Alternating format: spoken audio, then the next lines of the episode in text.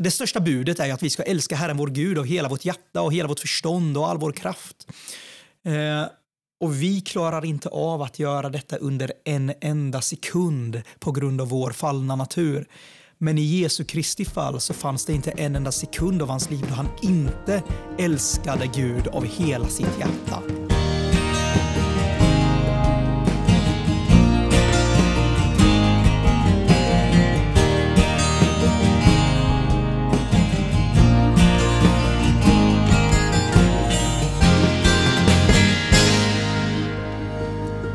Då vill jag hälsa er varmt välkomna till Evangeliet förändrar allt, en podd med mig, Joel Magnusson, och vid min sida har jag mannen som tillsammans med sina syskon köpte en eh, spontanpresent till sin mamma i födelsedag, och det var en hund. Nima Svensson, eller är det fortfarande Montalebesade?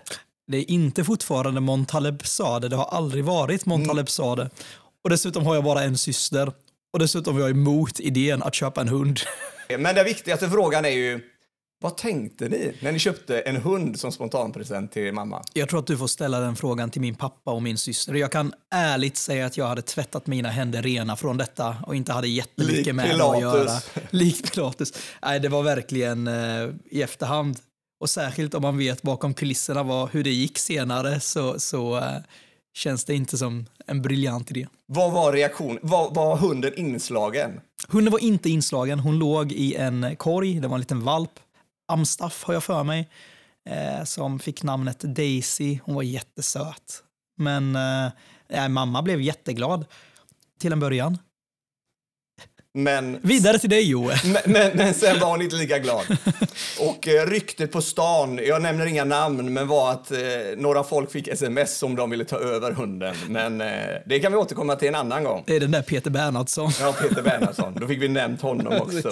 Och Nima, du tycker ju inte att jag skrattar åt dina skämt i den här podden, så vid det här avsnittet så tänker jag att Det var någon som sa det till mig. Det, det är inte så att jag sitter hemma och surar. Det var någon som sa att det är roligt för du skämtar. Och sen är det helt tyst efteråt. Liksom. det, Så, det kan ju vara så att jag stolthet. Det kan ju vara så att jag klipper bort det, men om du drar ett skämt den här gången så ska jag skratta riktigt, riktigt Jag ska mycket. tänka ut några riktigt roliga känner jag. Så ladda nu för ett riktigt bra skämt här någon gång.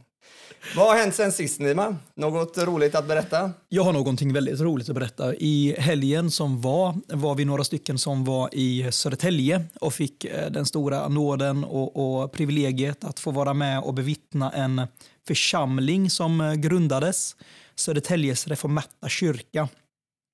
Det är Simon Chamo som är pastor där och det är ett gott gäng som har setts under flera år och samlats kring hans undervisning och haft gemenskap och ropat till Gud. Och, eh, ja, men det kändes verkligen som ett historiskt ögonblick att få vara med först på lördagen när de bildade församling och förening och sen på eh, söndagen när de hade sin första gudstjänst. Det var verkligen eh, starkt. Underbart att höra. Mm. Vi behöver grunda församlingar i Sverige. Amen. Du Amen. vet väl om det, Nima, att jag har bott i Södertälje i två år? Eh, Jag fick varit- ju reda på det under den första tagningen här. Ja, men det får du inte säga. För vi, vi låtsas som att vi har bara en tagning i det. Så jag känner ju till Södertälje en hel del. Eh, övre Torrekällgatan, för om det är någon i, i Södertälje som lyssnar så vet ni att jag bodde där. För egen del så, så har det hänt något väldigt roligt och glädjefyllt sen sist. Eh, det är ju att vi på Rotad äntligen har släppt eller skickat boken är Gud anti-gay av Sam Albury till tryckning. Och den kommer troligen släppas i slutet av eh, maj. Exakt datum får vi återkomma med, men det känns så roligt och så viktigt för Sams berättelse och liksom hans sätt att, att, att tala om detta ämnet känns så viktigt i en svensk kontext. För, för, för som jag upplever det så, så finns det någonstans en, en, en tanke att, eh, att sanning, att tala sanning är lika med att vara kärlekslös. Och vi kan naturligtvis tala sanning kärlekslöst, men det är inte per definition så att om vi talar sant och säger det som Bibeln säger så är vi kärlekslösa. Och där är Sam gör det på ett fantastiskt sätt. Han, han talar med sån värme och sån eh, barmhärtighet och samtidigt är han så tydlig eh, med vad Bibeln säger om Men du broder, ni, ni kommer skicka ut den här boken till eh, massor av pastorer om jag inte minns helt fel. Precis, och vi kommer skicka ut den till Jag har inte exakt antalet, eh, men det är flera hundratals i alla fall. Vi kommer skicka ut den till alla pastorer inom Pingst, eh, Allians och EFK. Och även en rad pastorer och präster inom andra sammanhang. Så, så där får gärna Jätteroligt. Ni, ni som lyssnar får jättegärna vara med och be för hela detta, för boksläppet mm. Mm. och för utskicken och att den, den ska nå människor. Mm. Nå människor som kämpar med samkönad attraktion eh, och nå alla de som står och vacklar, för det är det jag upplever att vi står nu i en svensk kristenhet. Många står och vacklar liksom vad de ska välja väg och att denna boken ska dra människor tillbaka till Guds ord och till evangeliet. Ja. Sen så kan jag också berätta det att Sam Alberry kommer till Sverige och eh, som man säger på engelska, save the date. Blir det spara datumet på svenska, Nima? Eh, säkert. Spara datumet. spara datumet. Eh, han kommer till Sverige mellan den, ska jag titta här så jag säger rätt, mellan den 4 till 9 september. Till Stockholm, Göteborg och Jönköping. Precis. I Stockholm 4-5 september, Jönköping 6-7 och sen 8 och 9 i Göteborg. Och platser och tider och så får ni hålla utkik i våra sociala medier och andra platser. Så. Eh, och det kan vi också nämna något annat som är på gång, eh, Nima, som du står med i. Ja, men precis. Nu efter eh, flera år och några månaders uppskjutning så lanseras The Gospel Coalitions eh, The Gospel Coalition Nordics eh, hemsida nu i dagarna. I början av maj är tanken att eh, hemsidan ska lanseras. Och där kommer vi lägga ut diverse artiklar, eh, både på engelska men också på nordiska språk som riktar sig till eh, både pastorer och kristna överlag i alla möjliga olika sorters ämnen. Så det ska bli väldigt roligt. Det ska bli eh, kul att få äntligen landa i detta. Det är ju fantastiskt roligt att få göra den här podden med dig, eh, Nima. Och eh, jag har ju lite mer information om vilka som lyssnar. Och tro det eller ej så finns det faktiskt folk som har lyssnat, nu vet jag vem den personen är, men på Sri Lanka, Aha. i Nepal, och även Tunisien, det vet jag inte vem det är, men i olika delar så, så eh, vi når bredare än Sverige faktiskt. Vad spännande. Ja, det är oerhört spännande. Nu ska vi ge oss i kast med dagens ämne. Det här är ju, idag har vi den andra delen av två som går under titeln Varför var Jesus tvungen att dö? Idag är vi på del två. Och vi avslutade förra avsnittet med ett dilemma Eh, ett dilemma som jag skulle säga är avgörande för att få svaret och förstå svaret varför Jesus var tvungen att dö. Och det är ju dilemmat hur en god och rättfärdig Gud eh, kan frikänna uppenbart skyldiga syndare som dig och mig och andra. Eller annorlunda uttryckt, hur kan Gud frikänna uppenbart skyldiga syndare utan att göra våld på sin godhet och rättfärdighet? Mm. Och det är det vi, svaret vi tänkte att vi skulle komma till idag. Och det svaret har vi naturligtvis i Jesus Kristus. Men ja. om du skulle bara sammanfatta, vad, vad, vad, vad, sa vi sist när vi pratade om Gud och människan?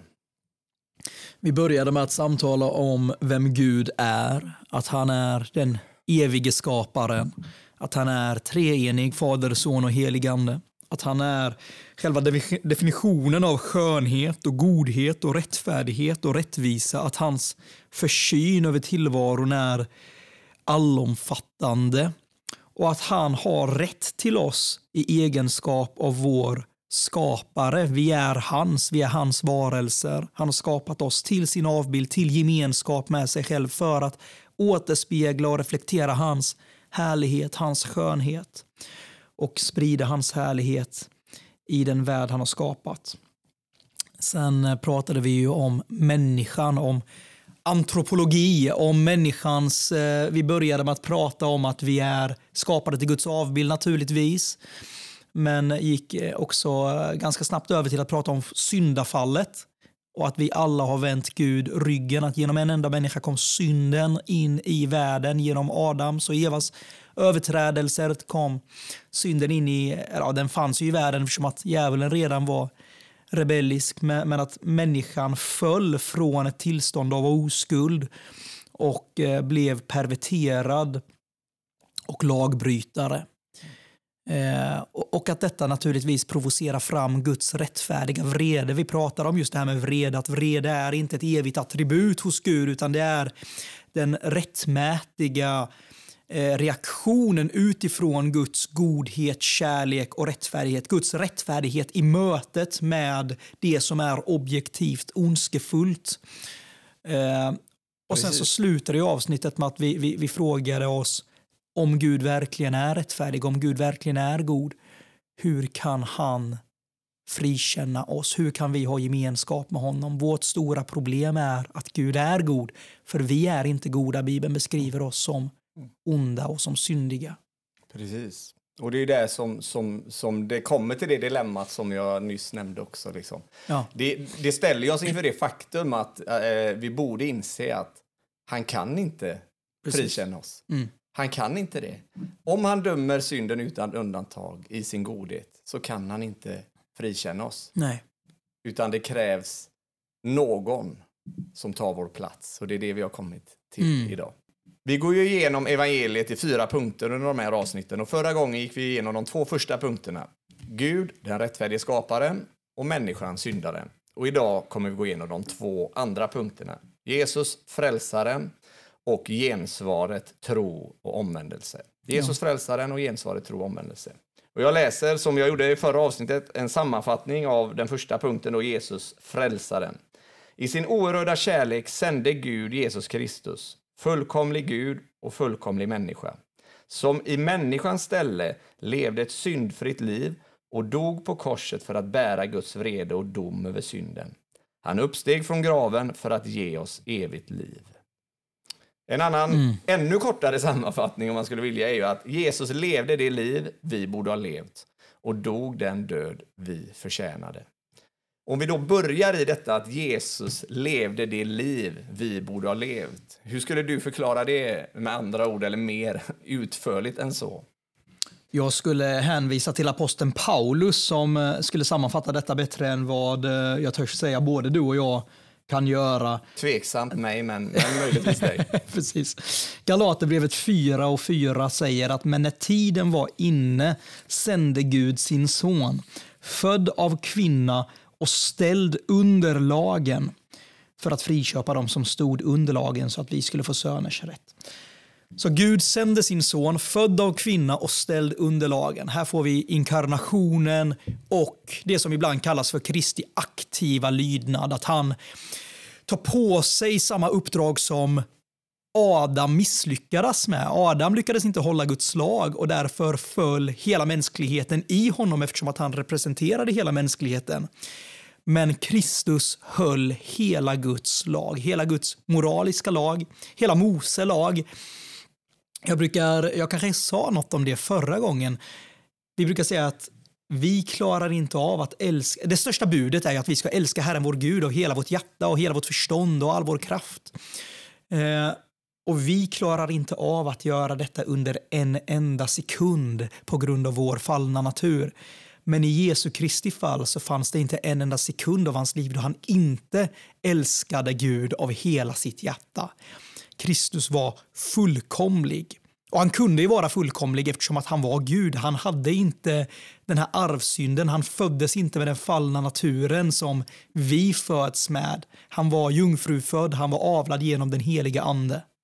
Precis, och, och jag tycker det finns såna många kopplingar där mellan Adam och Jesus, mellan Israel och Jesus. Att Adam, som du säger, han misslyckades med att lita på Gud och lyda honom. Israel gjorde det också. Men Ja. Jesus Kristus fullbordar det som de misslyckades med. Och det finns ju många kopplingar. Adam i en trädgård, Jesus i ett semane, Ja. Israels folk i öknen, Jesus i öknen. Ja. Men Jesus förblev lydig Gud i allt, ända till döden på korset som det står i Filipperbrevet 2. Precis, och detta får ju konsekvenser som vi kanske kommer in på när vi talar om gensvaret. Att det faktum att Kristus håller lagen till fullo tillräknas oss genom tron. Och, jag, jag, och där tror jag, för mig var det liksom en... Det var som ja, sprängstoft i Mm. det, när jag liksom förstod det. För, för som jag har nämnt några gånger innan så tror jag man, de flesta har, han tog vårt straff även om man har en bristfällig bild av det. Ja. Men just det att han var lydig i mitt ställe. Ja. Jag tror många lever i den tron liksom att vi får ett blankt papper och så missar man det att och så tänker man nu ska jag som kristen försöka uppfylla alla de här, jag ska be, jag ska Precis. läsa Bibeln. Nej, Han var lydig Gud i allt, i vårt ställe också. Ja. Och jag, och jag brukar tänka på det som, som en liksom, eh, lydnaden till lagen. Alltså ribban ligger ju på över Mount Everest höjd. Ja, vi har vi- misslyckats innan vi ens har börjat eftersom vi föds syndiga. Ja, precis. Och så ska vi försöka då i köttet, som, eh, som Paulus säger, köttet kan inte behaga Gud. Ska Precis. vi försöka lyda Gud? Det är som att liksom försöka hoppa höjdhopp över Mount Everest, ännu högre. Och det är därför som jag tror att så många människor är trötta både i församlingarna och utanför församlingarna, för vi lever i en gärningslära där vi tror att vi ska förtjäna kärleken från Gud genom lydnad. Och så är ju sanningen den att Kristus, han hoppade över, om vi då använder den Precis. bilden. Han fullbordade.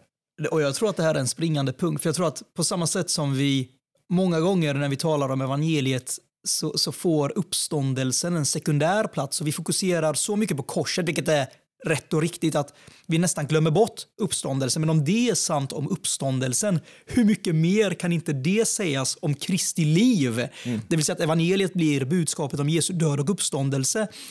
Främst död och sekundärt uppståndelse, men ingenting om Jesu liv.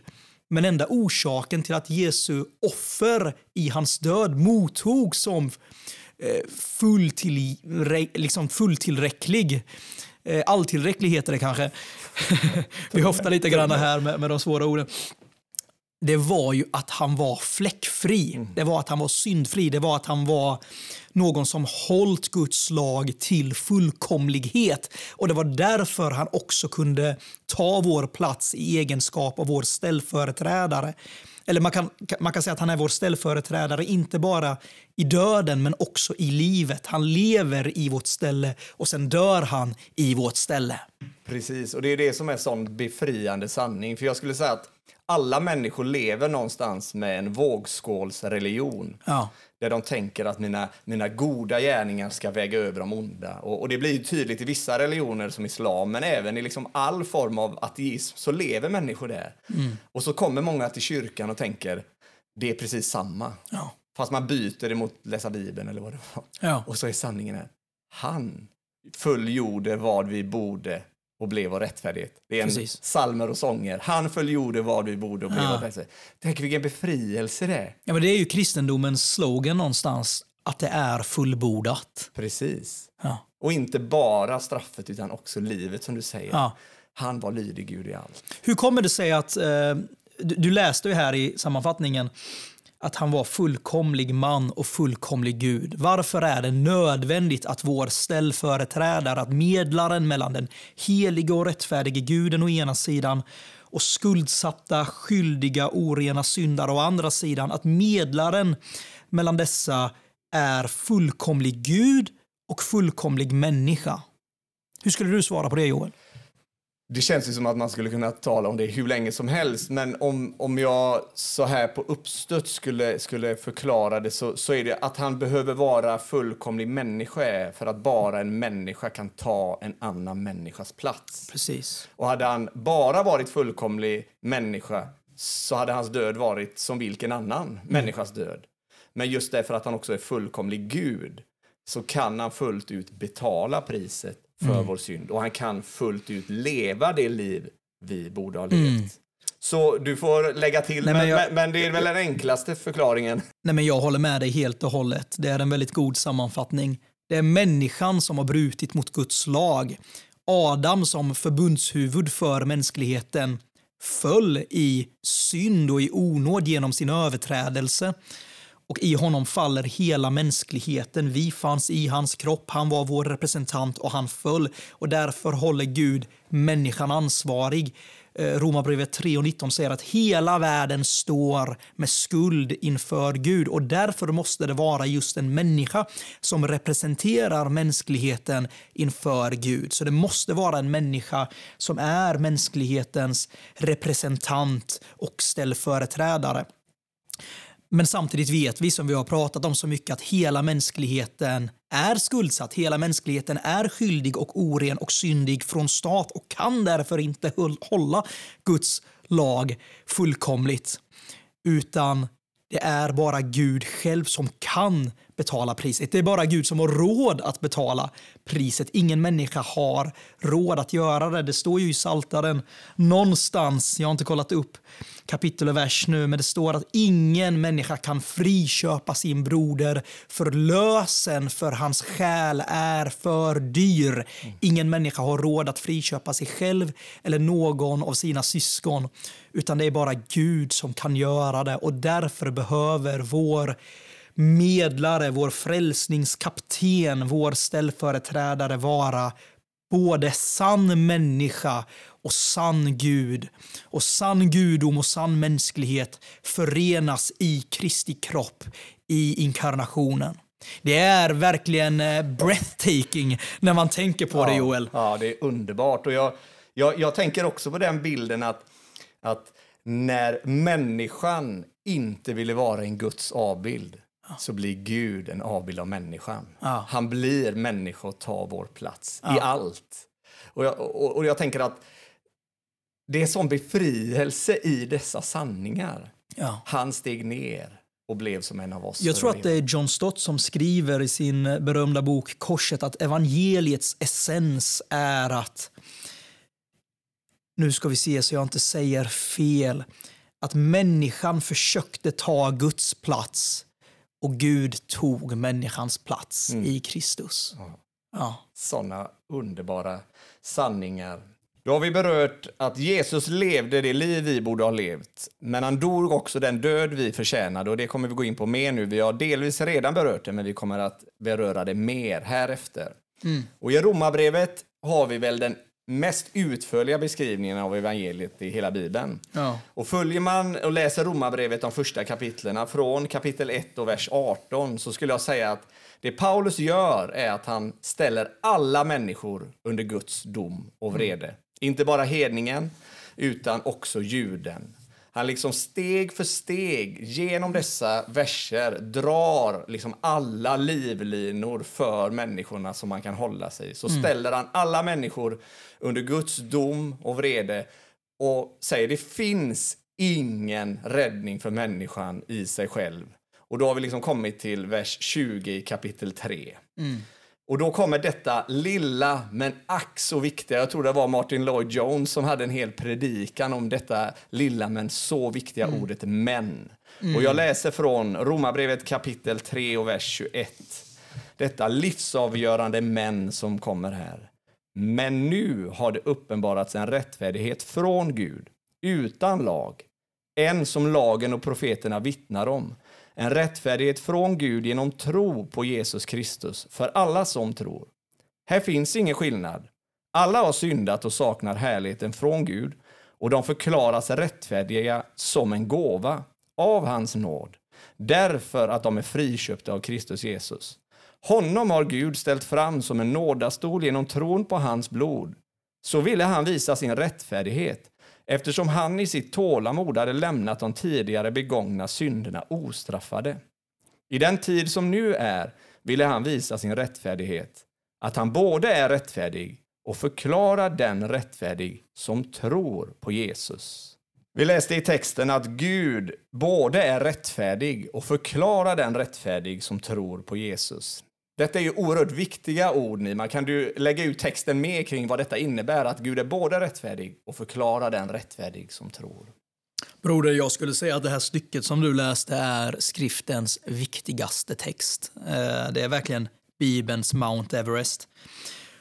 Och det som gör den så kraftfull är ju det sammanhang i vilket det förekommer. Så som du sa, från vers 18 i kapitel 1 fram till vers 19 i kapitel 3 har Paulus bara målat upp en nattsvart bakgrund. Det är bara dom och det är Guds vrede och det är mänsklig synd och skuld och avguderi och elände och alla är på väg till helvetet. Spelar ingen roll om du har tillgång till den nedskrivna lagen, om du är jude eller om du är hedning av Guds lag, hans moraliska lag skrivet på hjärtat. Du står dömd för att ha brutit mot hans lag. Och så kommer det här ordet som du sa, men. Gud har eh, ordnat ett sätt för brustna syndare att återfå gemenskapen med honom, den gemenskap för vilken de skapades, att stå rättfärdiga, frikända inför honom. Jag skrev faktiskt min C-uppsats för några år sedan om just det här ordet som i folkbibeln 15 översätts till nådastol. Det grekiska ordet är ju hilasterion. Och jag tycker ju att de engelska översättningarna fångar det här ordet bättre. Inte alla engelska översättningar, men de som översätter det till propitiation, som ju betyder blitkande offer eller blitkande medel eller blitkesoffer. Det vill säga ett offer eller ett medel som blitkar, lugnar, stillar, avvänder eller tillfredsställer vrede.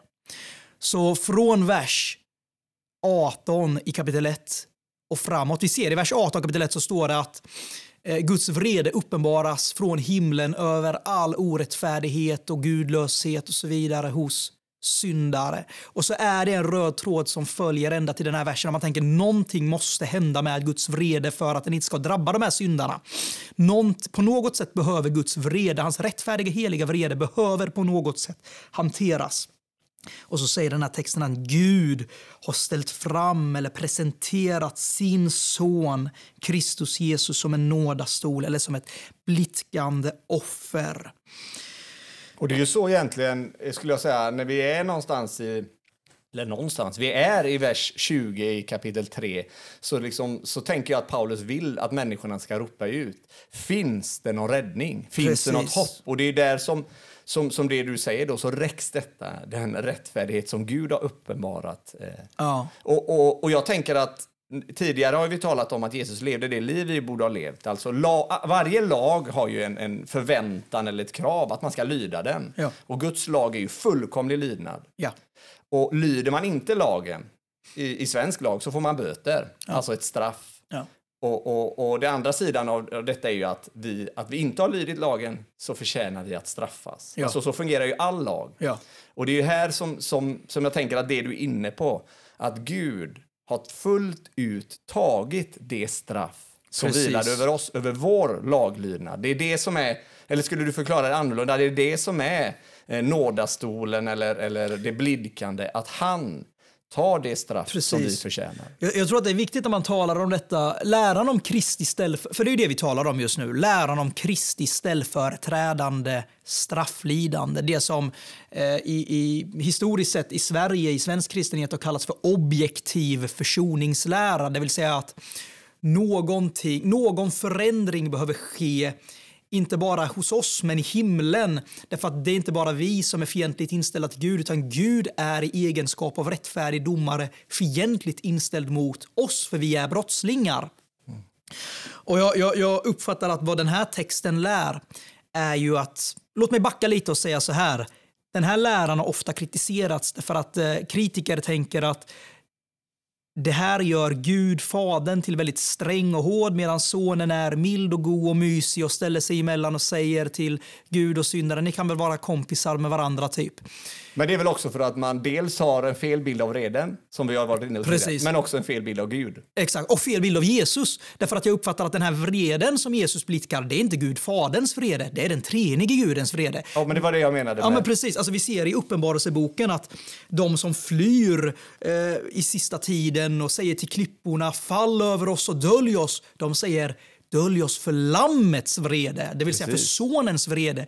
Och jag, jag, skulle vilja säga att hjärtat i det kristna evangeliet är att på Golgata kulle tillfredsställde Lammets blod Lammets vrede. Precis, och det, är, och det är väl det som jag skulle säga att om man ser eh, att det grundar sig någonstans i en felaktig bild av Gud är ju för att man tänker att Gud straffar sonen som om han vore skild Exakt. från Gud. Det är ju Gud, alltså Gud, Fadern, Gud, Sonen, de är lika mycket Gud så att Gud tar människans plats. Precis, och, och jag tror att det var det jag ville komma till, att i Johannes evangeliets tionde kapitel så säger Jesus i tydligaste ordalag Ingen tar mitt liv ifrån mig utan jag ger det av frivilliga. Jag ger det frivilligt. Jag har makt att ge det och jag har makt att ta det tillbaka, säger han där. Och jag tror att det är viktigt att ha det i åtanke att Fadern och Sonen har i evighet förgången kommit överens med varandra. Nu finns det ju bara en gudomlig vilja, men, men om vi ska tala lite bildligt, kommit överens om att detta ska ske för syndares frälsning. Fadern tvingar inte sonen, sonen lägger ner sitt liv för oss i egenskap av vår ställföreträdare. Och det vi ser här det finns så många ord här vi skulle kunna diskutera om rättfärdighet och friköpt och nådastol och så vidare. Jag tror för övrigt, Joel, att det kan vara bra att säga när vi tittar på den här texten att ordet rättfärdighet finns används på två olika sätt i den här texten. När det står att det har uppenbarats en rättfärdighet från Gud så syftar det på gåvan vi får av Gud. Det vill säga att vi kan stå rättfärdiga inför honom. Det syftar på en positionell rättfärdighet, vår nya position inför Gud. Men sen i slutet av texten i vers 26 när det står att han ville visa sin rättfärdighet, att han både är rättfärdig, så syftar det på hans rättvisa. Då syftar det på hans attribut, hans rättvisa, att han är rättvis när han förklarar oss rättfärdig genom tron på Kristus. Och, och det är där som, om vi återkopplar till dilemmat Precis. som jag var tidigare. Det är ju det som egentligen borde vara ett dilemma eh, i Gamla testamentet, för han säger det om gångna tiderna. Exakt. Det är ju hur kan Gud förlåta David när han tar Batseba till exempel? Ja. Någon måste ju ta straffet. Exakt. Eh, och det är det som liksom hänger i luften. Precis. Eh, och det är det som också, som du säger där, han bevisar sig rättfärdig. Alltså, han är rättfärdig, rättvis mot synden för att Jesus Kristus fullt ut bär straffet. Exakt. Han dricker vredesbägaren till sista droppen fullt ut. Och, Precis. Det, och, då, och då är det inte så att Gud struntar i synden utan istället för att han låter dem som tror drabbas av straffet så låter han eh, sonen drabbas av straffet. Precis, och det, det, det här texten i den tid som nu är ville han visa sin rättfärdighet, eller sin rättvisa, att han både är rättfärdig, eller rättvis, och förklarar den rättfärdig som tror på Jesus. Det vill säga när han förklarar Nima och Joel rättfärdiga, det vill säga att vi står i en rätt position inför honom igen, att vi är frikända och förlåtna, och mer därtill att vi har fått en positiv rättfärdighet insatt på vårt konto, det vill säga Jesu lydnadshandling under hans liv som vi pratade om, så kan han inte längre eller så kan han inte beskyllas för att vara en korrupt domare som ser mellan fingrarna, utan han har redan hanterat synden så som den förtjänar att hanteras. Det är som när några kapitel senare i Romarbrevet 8 så inleds kapitlet med att säga så finns nu ingen fördömelse för dem som är i Kristus Jesus.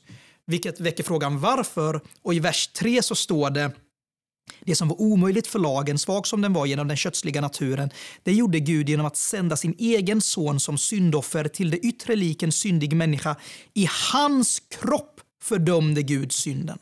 Så det finns ingen fördömelse för dig Joel om du är i Kristus Jesus därför att Kristus Jesus har i sin kropp burit den fördömelse som du i evighet förtjänar. Det här är mäktigt. Det, och det är det som Jesus ropar ut. Det är fullbordat. Ja, precis. Han har fullbordat lydnaden, men han har fullbordat att bära vårt, vårt straff. Och precis. Vårt... Och jag tänker att vi kan säga någonting kort bara också Joel om det här du sa om eh, David och Batseba och det här. Det står ju här att i sitt tålamod hade Gud lämnat de tidigare begångna synderna ostraffade. Detta är ju en väldigt kort sammanfattning av vad jag uppfattar att Hebreerbrevet lär ut mycket mer utförligt, nämligen att hela det gammaltestamentliga offersystemet det var en preliminär lösning för att Israels folk skulle kunna ha en gemenskap med Gud. Men de offren kunde inte utplåna Israels synder. De kunde inte rena deras samveten. Det kunde täcka över deras samveten som en preliminär lösning, som en tillfällig lösning. Men det gammaltestamentliga offersystemet var bara en typ. Det var bara en skuggbild som pekade fram mot originalet som skulle presenteras på Golgata kulle. Så Gud kunde hela tiden skjuta upp det rättmätiga straffet därför att han vet att om ett visst antal år så kommer han sända sin egen son som kommer vara det tillräckliga offret, inte bara för hans folk från korset och framåt, men också för dem som har förtröstat på den kommande Messias. Vilket inte betyder alla judar som levde under det gamla förbundet, men de inom det gamla förbundet som också hade hjärtats omskärelse, som föddes på nytt genom tron på den kommande Messias. Och det är ju som, som, som du är inne på där, är så viktigt att se tror jag att, att Bibeln, jag hade ett konf konfamaterial eh, under en period som beskrev eh, Jesu död på korset som en B-plan. Eh, okay. Guds B-plan, som om Gud genom Gamla Testamentet prövade sig fram. Bort det? Ja, det är, vad skulle du säga, det är heresi, eller vad använder vi för ord där? Ja, men tvi, verkligen. Alltså, ja, det, men, det ju... Och det, det kan inte bli mer fel, men jag skulle säga att jag tror att så många kristna har den bilden. Mm. Eh, och så säger Petrus att, att han var utsedd redan före världens skapelse. Detta tycker jag är så underbart och befriande, att Gud redan innan skapelsens grund var lagd, redan innan Adam och Eva hade gjort uppror och fallit i synd, så hade Gud bestämt hur människan skulle räddas genom sin sons död. Ja. Och det är det vi sen ser genom hela eh, det gamla testamentet, hur liksom den här frälsningsplanen vecklas ut och blir tydligare allt eftersom. Och, och redan i syndafallet så, så ser vi hur Gud predikar liksom evangeliet för första gången. Redan när människan har fallit så, så säger han till ormen att han ska sätta fiendeskap mellan dig, alltså ormen, och kvinnan, mellan din avkomma, ormens avkomma, och kvinnans avkomma. Och så säger han att Kvinnans avkomma ska krossa ditt huvud, alltså ormens huvud, och han ska hugga honom i hälen. Alltså här har vi det första gången som du prasslar så jag hör det i bakgrunden. här har vi hur evangeliet för första gången predikas och det gör det redan i syndafallet. Ja. Eh, och sen också så tänker jag att det är intressant att se att människan har gömt sig för Gud. Hon har dolt sin synd, hon har försökt lösa det själv. Och så läser vi i kapitel 3 och 23 i Första Mosebok vad Gud gör efter detta, efter syndafallet. Då står det att han förser dem med kläder ja. av skinn. Precis. Och vad betyder det? Jo, att någon har behövt dö för att överskyla människans synd och nakenhet. Ja. Ett djur har blivit död. Och det är det sen vi har genom Gamla Testamentet som du var inne på, att djuroffren de kunde bara övertäcka men de kunde inte utplåna. Och därför när vi sen kommer till Nya Testamentet och vi har den här bilden eh, av offren och någon har behövt dö i människans ställe. Mm. Så när Johannes ser Jesus komma, Johannes döpare, och han säger se Guds lamm som tar bort världens synd. Ja. Då säger han, här kommer det fullkomliga offret för synden en gång för alla. Ja, ja men det, det är verkligen eh, den röda tråden genom skriften är omistlig.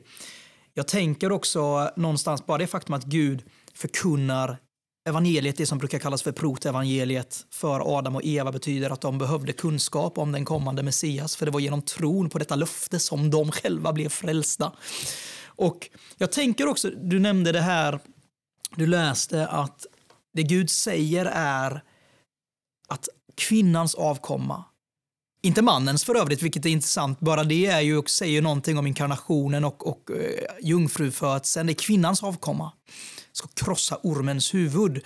Det läser vi ju ingenting om i den här texten i Romarbrevet 3, men någonstans hör ju detta också till evangeliets kärna. Och medan jag tror att hjärtat i evangeliet är Kristi ställföreträdande strafflidande, det vill säga att Guds rättfärdiga vrede måste tillfredsställas och hans krav på rättfärdighet uppfyllas. Och det är det största problemet människan har. Så ser vi att på korset så triumferar också Jesus över mörkrets makter, över djävulen. Vi läser om detta i Kolosserbrevet 2, 13, 14, 15, hur han liksom eh, förnedrar och triumferar över och avväpnar eh, makterna liksom, och, och förstarna, det vill säga demonerna och djävulen. Hur han avväpnar djävulen, han krossar honom, han tar bort från hans hand hans främsta vapen som är en juridiskt giltig anklagelse mot skyldiga syndare. Satan kallas ju för åklagaren eller anklagaren i skriften. Och jag tror att det är viktigt att komma ihåg att på korset så är det ett antal saker som händer.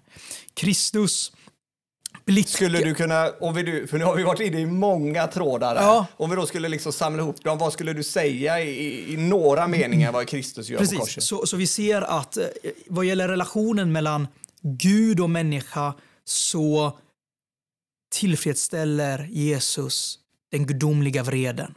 Han stillar den gudomliga vreden, han drabbas av den i vårt ställe, han bär straffet i vårt ställe.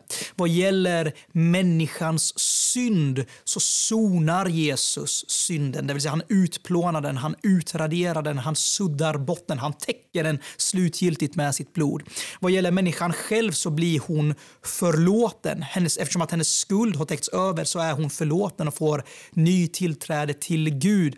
Vad gäller djävulen så förnedras djävulen offentligt och Kristus Jesus triumferar över honom genom att slå bort hans vapen som han ständigt riktade mot oss. Vi läser om detta i Uppenbarelseboken där han kastas ner från himlen så att han inte längre kan anklaga de heliga. Och Dessutom så ser vi någonting annat som vi kanske inte talar om så ofta. Det är att Kristus återlöser oss.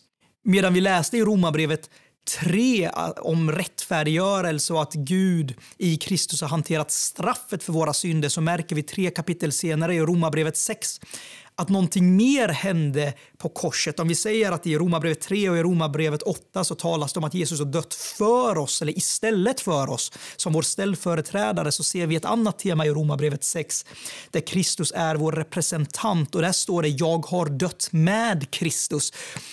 Vilket betyder att Kristus inte bara har hanterat syndens straff utan också syndens makt i våra liv. Han har återlöst eller friköpt oss från syndens makt i våra liv från syndens välde, från syndens slaveri så att vi när vi förenas med honom också blir satta fria från syndens auktoritet över oss. Vilket inte betyder att vi aldrig mer kommer synda, men det betyder att medan vi förr inte kunde säga nej till synden så får vi efter vår förening med Kristus på grund av vad han gjorde på korset också kraft att säga nej till synden och börja leva i frihet. Vi överförs från syndens välde till Kristi välde. Vilket har mer med pånyttfödelse än rättfärdiggörelse att göra. Jag tänker vi ska komma till det, men om vi bara backar ytterligare till, till så tänker jag ju att det är det som, som vi har varit inne på.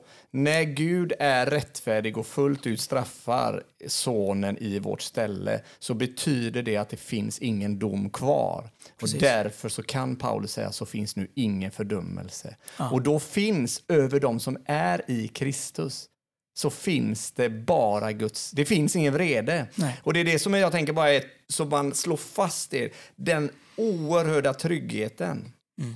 Du är bara föremål för Guds välbehag och kärlek och godhet och nåd och allt det. Och ingen vrede finns kvar eftersom mm. Jesus fullt ut har burit den. Precis. Och då behöver vi inte leva i rädsla varken för straff och dom. Vi behöver inte heller leva i, i det ständiga oket av att försöka förtjäna Guds kärlek genom gärningar. Du kan ingenting göra för att Gud skulle älska dig mer, för han älskade dig som han bevisade sin kärlek när du var i fiendskap mot honom, när du var i öppen revolt mot honom. Kristus lägger ner sitt liv för sina slaktare. Precis.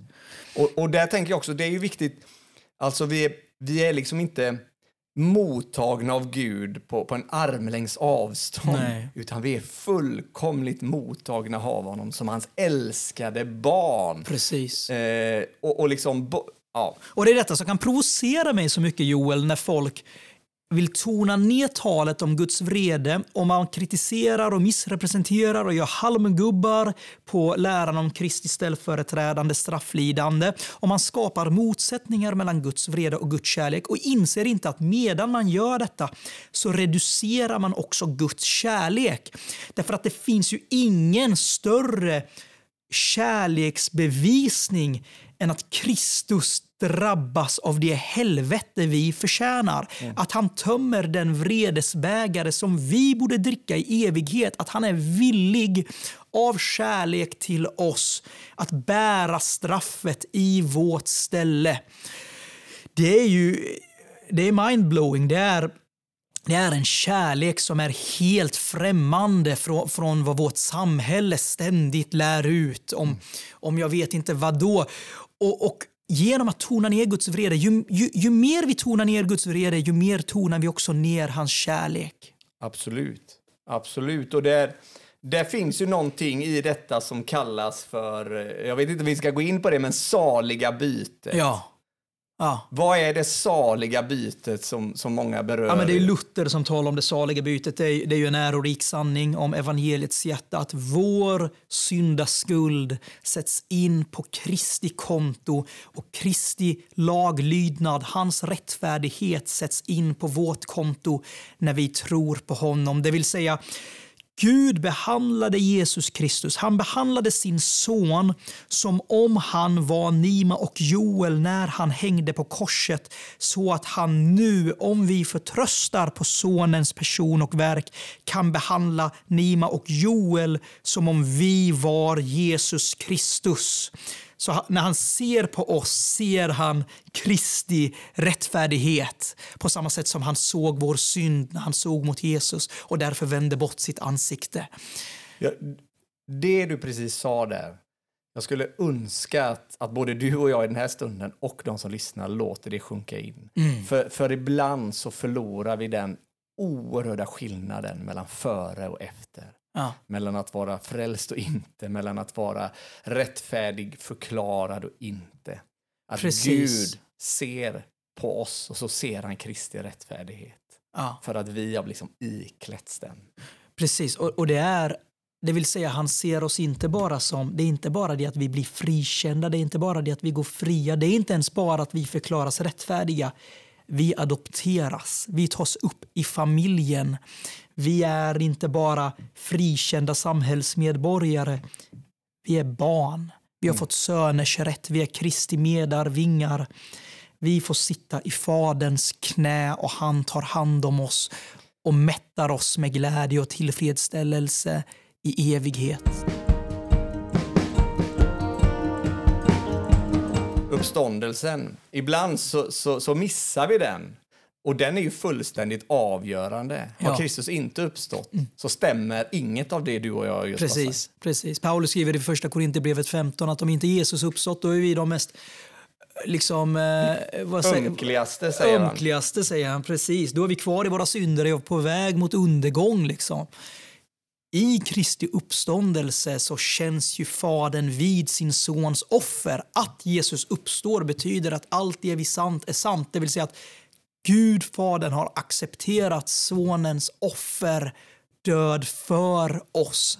Hans uppståndelse är ett bevis på detta. Apostlagärningarna säger att det var inte möjligt för döden att behålla Kristus. Jag brukar tänka att kanske är det så. Döden är ju en konsekvens av synden. Och döden har endast rätt till syndare. Döden kan endast göra anspråk på syndare. Men eftersom Kristus var syndfri så var Kristus som gift för döden. Så när döden svalde Jesus så var det som att döden förgiftades och döden dog och Kristus uppstod. uppstod och, och, och vi vet att döda dödar, dödar inte. så vi behöver inte vara rädda Precis. för döden längre. För Kristus har genom sin död förgiftat och dödat döden. Vilket betyder att också vi kommer att uppstå. Precis. Och det är, där, det är den, du är inne på det i första Korinthierbrevet 15. Det är, ja. de, det är de tankarna Paulus talar om hur, vad uppståndelsen är. Han, han säger ju som du säger, det är, skulle man kunna säga att eh, uppståndelsen är Guds godkänd stämpel på offret. Exakt. Priset är betalt. Precis. Försoningen är fullbordad. Ja. Men det är också beviset, äkthetsbeviset på att Jesus sa ju att han skulle uppstå. Precis. Och dog han bara och inte uppstod så stämmer inget annat av det han sa. Precis. Men också som du säger att döden är besegrad.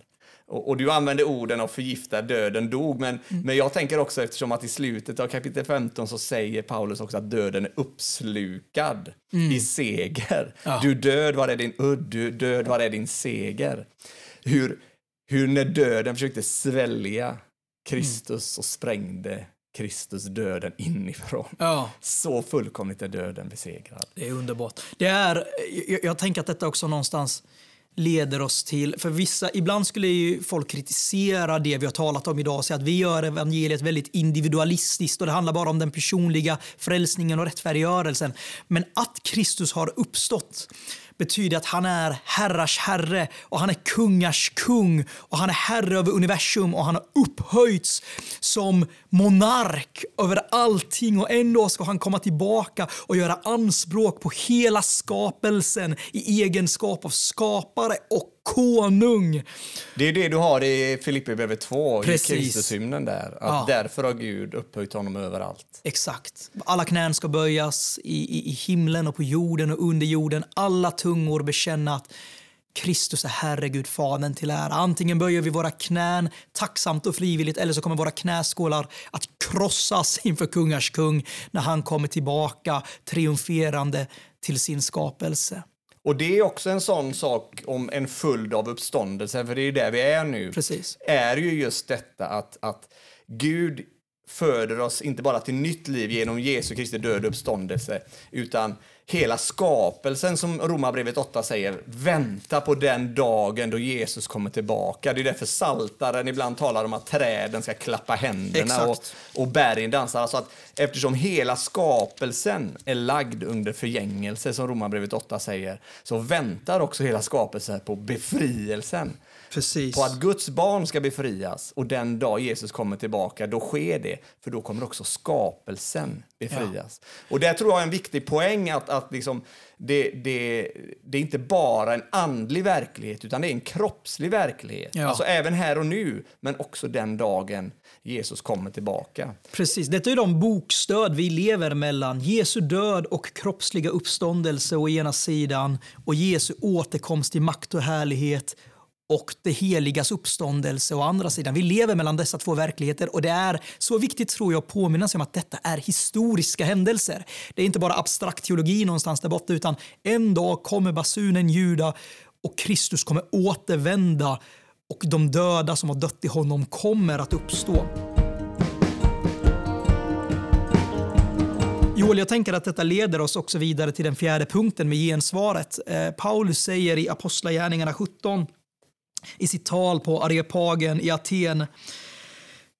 Gud har länge haft överseende med okunnighetens tider, men nu befaller han alla människor överallt att omvända sig. Han har nämligen bestämt en dag då han ska döma världen med rättfärdighet genom en man som han har utsett och han har erbjudit tron åt alla genom att uppväcka honom från de döda. Så Jesu uppståndelse är kopplad till tron och omvändelsen som är en befallning ut till hela världen, till alla nationer, till alla folk. Precis. Det var ju en bra, det var nästan som en tv-övergång här Nima, att du ledde över det där. Jag är ganska nöjd. För då är vi på tredje, fjärde punkten, inte tredje, fjärde punkten, fjärde gensvaret, och, som är alltså tro och omvändelse.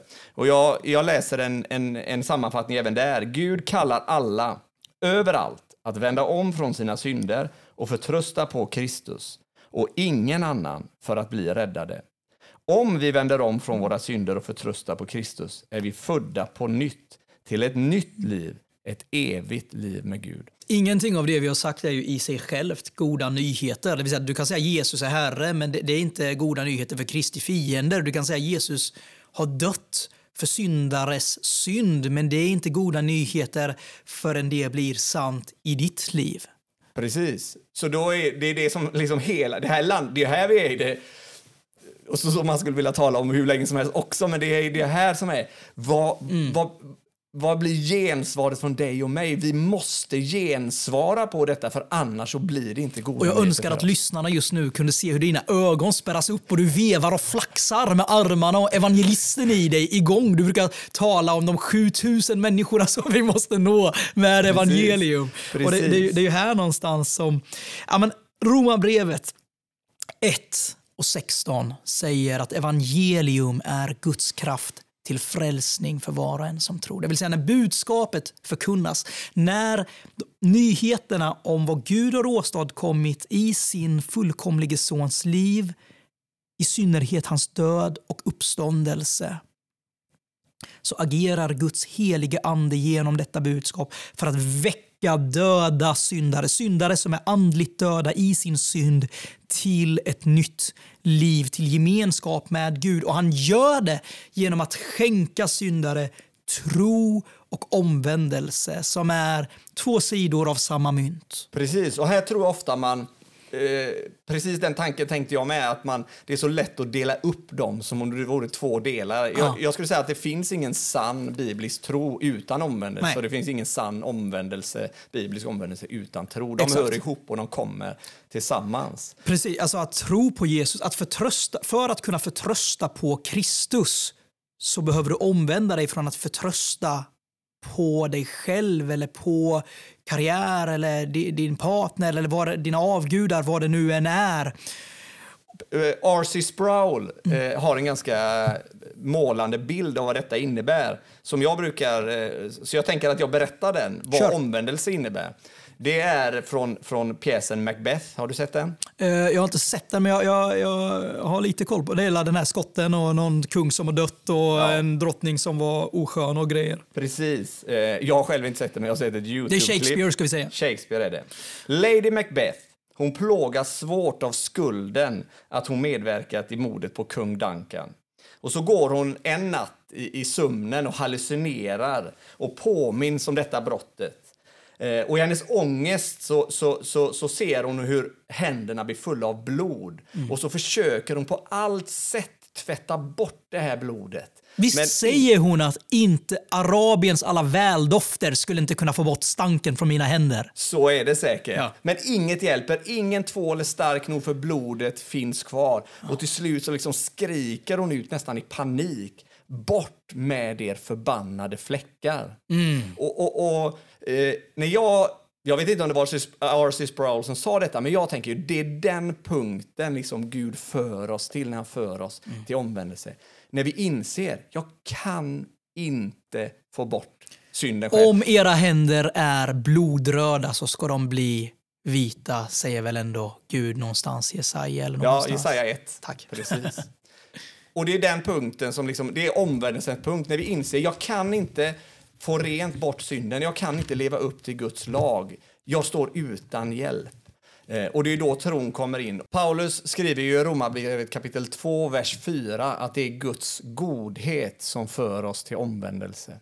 Och jag tänker att det är en grundförutsättning för att vilja stå helt naken inför en helig Gud utan några ursäkter, undanflykter eller livlinor. Att vi har sett Guds godhet, hans mm. nåd och barmhärtighet, att vi förstår att vi har sett Jesu Kristi fullbordade offer i vårt ställe, så vi ser att han kommer ta emot oss. Jag skulle säga att det är därför ingen människa, ingen människa skulle vilja och kan stå så naken, just därför att om det inte finns någon förlåtelse och inte finns någon försoning, mm jag skulle säga att det är en omöjlighet att stå så naken och bekänna så fullt ut att jag är skyldig, jag förtjänar att dömas. Men att när vi ser det, vad, vad Gud har gjort genom Jesus, Christ, Jesus Kristus, hans godhet, så kan vi släppa, vi kan stå så nakna. Ja. Och vi framförallt både vill och vågar stå så nakna inför honom. Och det är det vi ser också i, alltså efter syndafallet så har Adam och Eva som har insett att de är nakna gömt sig för Gud och det är först när han ropar var är du? Som människan vågar komma fram och erkänner också jag, jag, jag, jag har gömt mig för dig. Eller han svarar först, liksom, jag, jag har gömt mig, jag är naken, därför gömde jag mig. Och det är i korset, i Jesu Kristi död och uppståndelse som vi slutar gömma oss. Ja. Och det, vi ser att vi, vi, behöver inte gömma oss, vi kan springa till ja. Gud med vår synd, för ja. han har burit allt när vi förs till liksom omvändelsen och tron. Och då kommer vi med till tro. Och här har jag en bild som jag åtminstone tycker är bra för att beskriva tron. Eh, och den tar jag från Greg Gilbert i hans bok. Eh, eh, där ett barn står på liksom en avsats och så står föräldern under avsatsen och säger hoppa till mig. Mm. Och första gången barnet ska hoppa så är det lite tveksamt. Och ibland, jag har gjort så med mina barn, ibland hoppar de inte. Men när de hoppat en gång och ser att jag tar emot dem, att jag håller att lita på, så hoppar de igen och igen. För de har erfarit, de har sett att jag håller och litar på. Och så tänker jag åtminstone att är en väldigt bra beskrivning av biblisk tro. Ibland så säger man att biblisk tro är ett hopp ut i tomma intet eller osäkerheten. Eh, men jag ska säga att det är precis tvärtom. Vi, det är för att vi har sett att Jesus Kristus har burit, att han är trofast, att han har tagit att vi har liksom den erfarenheten att han håller att lita på. Mm. Att hans död uppståndelse är tillräcklig för oss. Precis. Om vi inte har sett det, den er, liksom den hopp, att vi har hoppats att säga, ha den er, Gud har gett oss den erfarenheten, då kommer vi inte heller att lita på den, mm. att tro på den. Eh, för, så, för så fungerar ju det, tänker jag, med allting. Vi litar på det vi vet håller. Ja. Och det är därför som vi omvänder oss och tror jag tror, att det, jag tror att det går bra hand i hand med hur reformatorerna talade om tron. Jag kan ju inte alla de här fina latinska termerna utan till, men de talar om tron som tredelad. Å ena sidan så innehåller biblisk frälsande tro kunskap.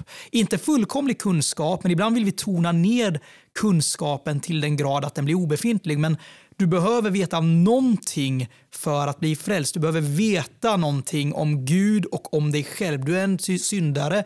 Du, du, du, Gud är helig, Kristus, korset, uppståndelsen. Du behöver veta vissa saker rent kognitivt. Det andra är försanthållande, det vill säga du ska inte bara känna till vissa fakta utan du ska hålla dem som sanna. Du ska tro att de är sanna. De gäller, det är fakta. Och den tredje aspekten som kanske är den mest framträdande i Nya Testamentet och i Bibeln överlag och även i förkunnelsen är ju förtröstan. Du ska tro att detta gäller dig, du ska lita på det, du ska luta dig mot det, du ska omfamna det och, och bygga ditt liv utifrån det. Du ska vara din enda för, eh, grund till förhoppning om en relation och gemenskap med Gud och förlåtelse och evigt liv. Och jag tänker att Bibeln beskriver ju tron som en gåva. Ja. Och, och man kan ju säga mycket om det, men jag ska säga att den tron som en gåva får vi när vi ser vad Jesus... Alltså när vi ser att hans... du håller inte med här? ja, men jag tror att det handlar lite om vilken tradition man kommer ifrån. Jag skulle, mm. jag, fortsätt. Nej, men alltså jag tänker att tron är en gåva i den bemärkelsen att vi, att vi skänks den förtröstan som vi behöver. Att vi ser att det är sant, att det håller eh, och att det liksom skänks oss genom evangeliets förkunnelse. Precis. Så att vi därför vi tror på det, vi, vi litar på det som håller, vi tror och det är det som är trons gåva. Ja, jag, det håller jag helt och hållet med om. Jag, jag, jag uppfattar att Bibeln lär å ena sidan att tron och omvändelsen är 100% Guds gåva. Det är ingenting vi själva producerar fram eller föder, utan vi får dessa som gåvor av Gud. Paulus skriver att Gud kanske ska ge dem omvändelse och så vidare. Så det är gåvor från Gud. Och samtidigt så säger ju skriften att vi ska förkunna att folk ska omvända sig och tro. Vi riktar oss till människor. Ingen kan tro eller omvända sig om de inte får dessa gåvor av Gud som suveränt delar ut dem.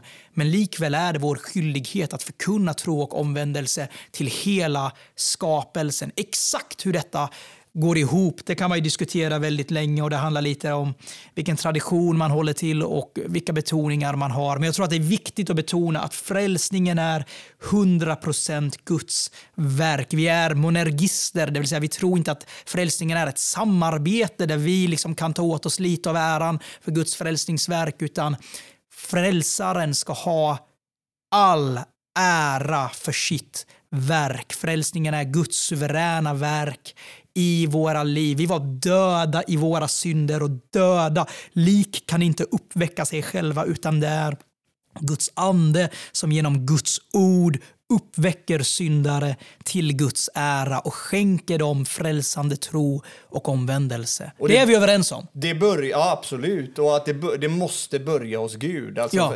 på, på alla sätt. Det är han som måste ta initiativet och han måste börja det verket i oss och väcka oss till liv ja. och föda tron och ge oss tron och ja. uppenbara sanningarna om evangeliet för oss så att ja. vi, omvänder Han ger oss Kristus.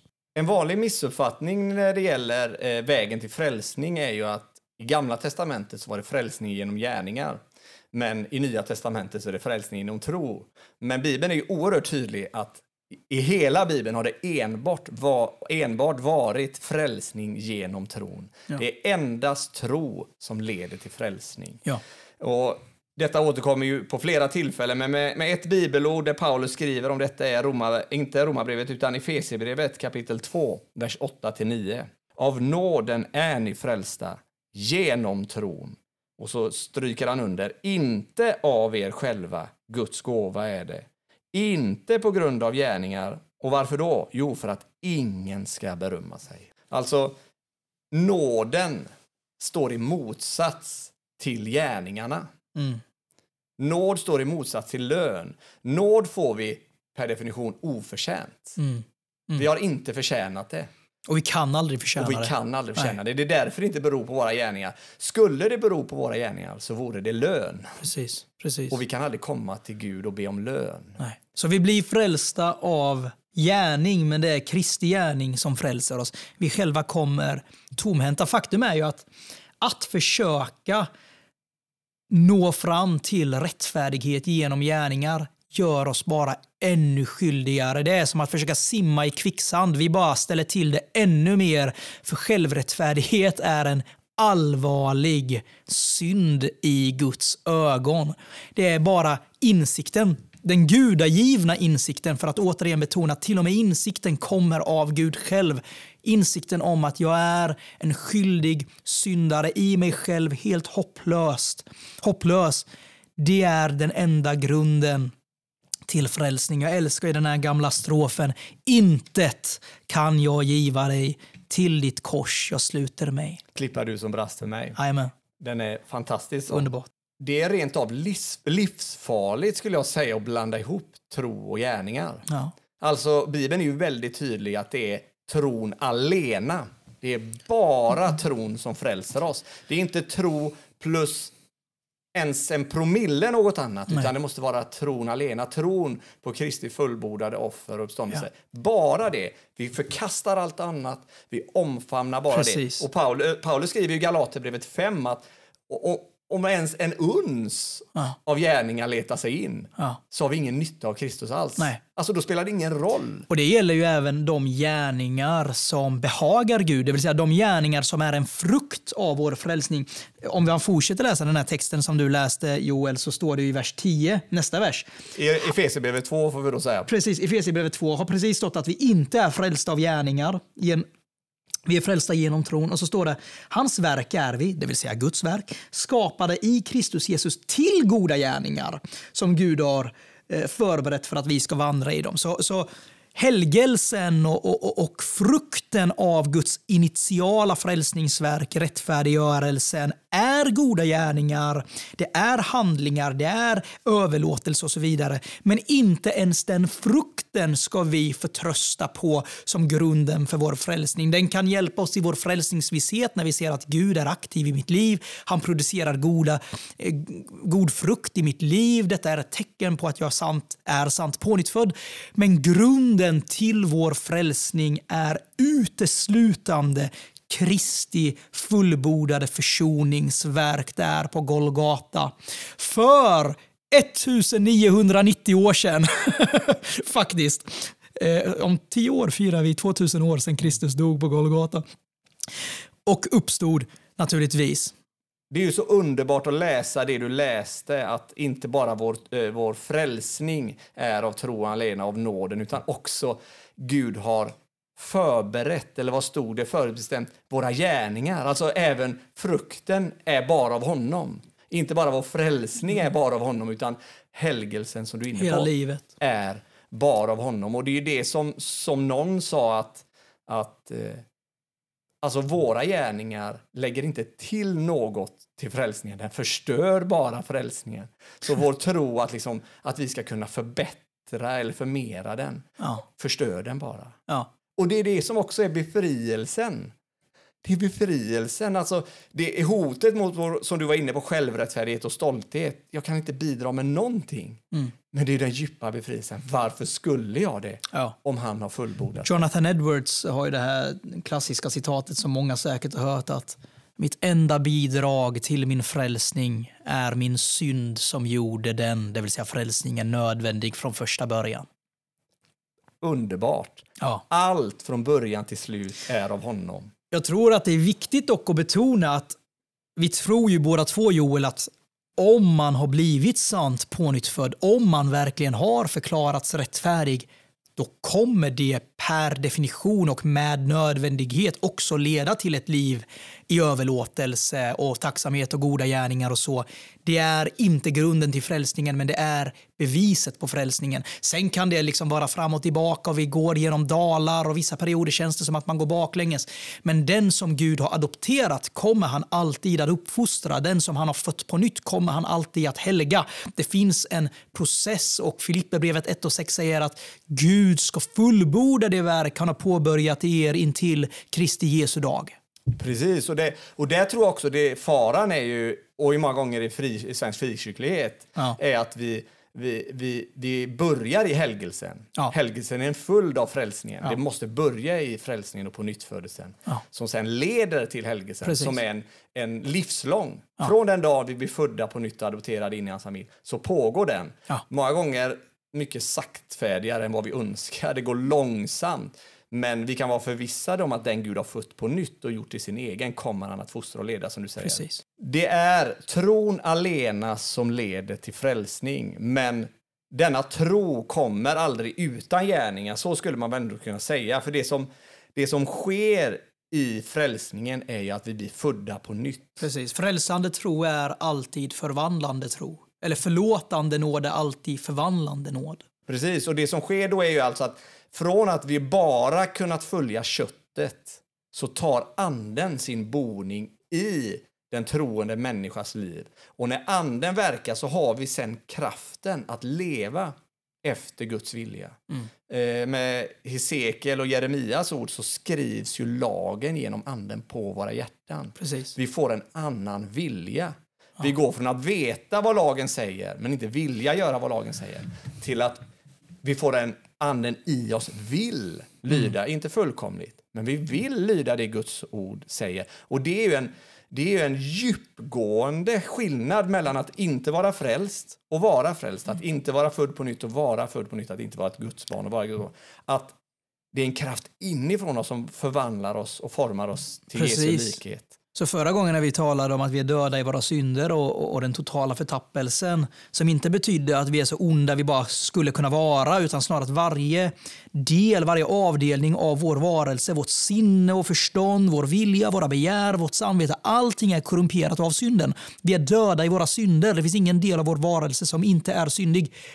Allt det påverkas ju i pånyttfödelsen. Så i pånyttfödelsen får vi ett nytt sinnelag. Vi får nya begär. Vi börjar älska det vi hatade innan. Gud. Vi börjar hata det vi älskade innan, vår synd. Vi får en ny vilja. Vi får möjligheten att faktiskt välja Gud och så vidare. Sen är det ju så att detta kommer fortsätta att förädlas och förädlas genom den livslånga helgelseprocessen. Men i pånyttfödelsen föds vi till liv. Och det är inte egen kraft vi helgas, utan det är Guds kraft. Ja, det är den Paulus säger ju i, ja, precis, i Romarbrevet 8 och 13 att genom anden döda kroppens gärningar. Alltså livet i Ja. helgelse är ju genom andens kraft. Ja, Och det är det som är så viktigt. Alltså, vi får inte bara liksom ett skuldfritt, försonad och allt detta Guds barn och sen säger Gud lev, försök nu leva efter detta, utan han, han, han tar sin boning i oss med sin ande och ger oss den kraft vi behöver, de gärningar som är förutbestämda som vi läste om i Vi- Vilket ju leder tillbaka till vad någonting av det absolut första vi sa i det första avsnittet. Att evangelium är Guds kraft till frälsning och inte bara rättfärdiggörelse eller pånyttfödelse eller adoption utan hela Guds frälsningsverk. Inklusive den nuvarande pågående frälsningen, det vill säga helgelsen och det framtida den framtida aspekten av frälsning, det vill säga förhärligandet när vi ska uppstå i nya uppståndelsekroppar, förhärligade kroppar som liknar Kristi uppståndelsekropp. Så det blir en sluten cirkel. Vi kommer prata mycket mer om det här med eh, evangeliet i det kristna livet framöver. Nu har vi lagt grunden förhoppningsvis med ett par delar om vad det glada budskapet, om vad evangeliet är. Följ oss gärna på sociala medier, på Rotad, eh, finns på, på eh, Instagram och Facebook. Och jag har sett på Spotify, det är ingen som har gett oss betyg än, eh, Nima. Ingen har gett oss några stjärnor, så ge oss gärna några stjärnor. och skulle ni ha, ni som lyssnar, ha, ha tankar, ämnen ni vill att vi ska ta upp eller saker vi vill att vi ska beröra eller, eller eh, att jag ska skratta mer åt Nimas skämt eller om det är något annat, så, ja. så hör av er till oss på något sätt och, och ge gärna feedback. Mm. Och, och, vi ska som sagt vara, vi ska gå in för landning, men jag har en, en sak som jag skulle vilja att du eh, eh avslutar med. Okay. Det blir spännande. Mycket spännande. Det här har inte jag fått höra någonting om. Nu har vi talat väldigt länge eh, om, om de här fyra punkterna. Men, men nu har du en hisstur på dig. Eh, hur lång ska hissturen vara? Eh, en minut. En minut. Då tar jag fram mobilen här. Då ska du på en minut, de här fyra punkterna, Gud, människan, Jesus och gensvaret. Då kör vi. Okej. Okay. Gud är fullkomlig, han är treenig, han är evig och han har skapat oss människor till sin avbild för att reflektera och återspegla hans härlighet och hans skönhet och leva i gemenskap med honom. Alla människor har dock syndat och saknar härligheten ifrån Gud. Vi har vänt honom ryggen, vi, vi hytter näven mot honom, vi går vår egen väg. Vi är alla avgudadyrkare, döda i våra synder, skyldiga inför honom. Gud är rättfärdig och helig och kommer att straffa all laglöshet därför att hans helighet kräver detta. Gud älskar oss i egenskap av att vara kärlek och därför har han sänt sin egen son, den andra personen i gudomen, fullkomlig människa, fullkomlig fullkomlig Gud för att leva det fullkomliga liv vi inte kan leva. Dö i vårt ställe som vår ställföreträdare och representant, krossa djävulen, återlösa våra själar, blidka sin egen vrede, uppstått i härlighet, stigit upp till himlen, är vår förebedjare i himlen och kommer tillbaka till jorden för att döma mänskligheten. Och den som tror på honom och omvänder sig från sin synd får evigt liv, evig gemenskap, evig tillfredsställelse i den helige treenige Gudens närvaro på den nya jorden.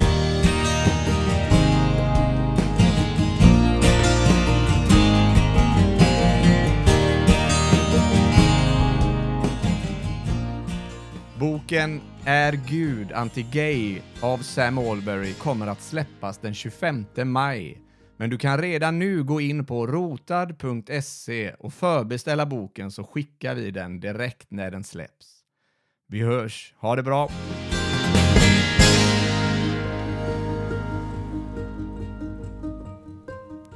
Jag gillar glassbåtar också. Mm. Mm.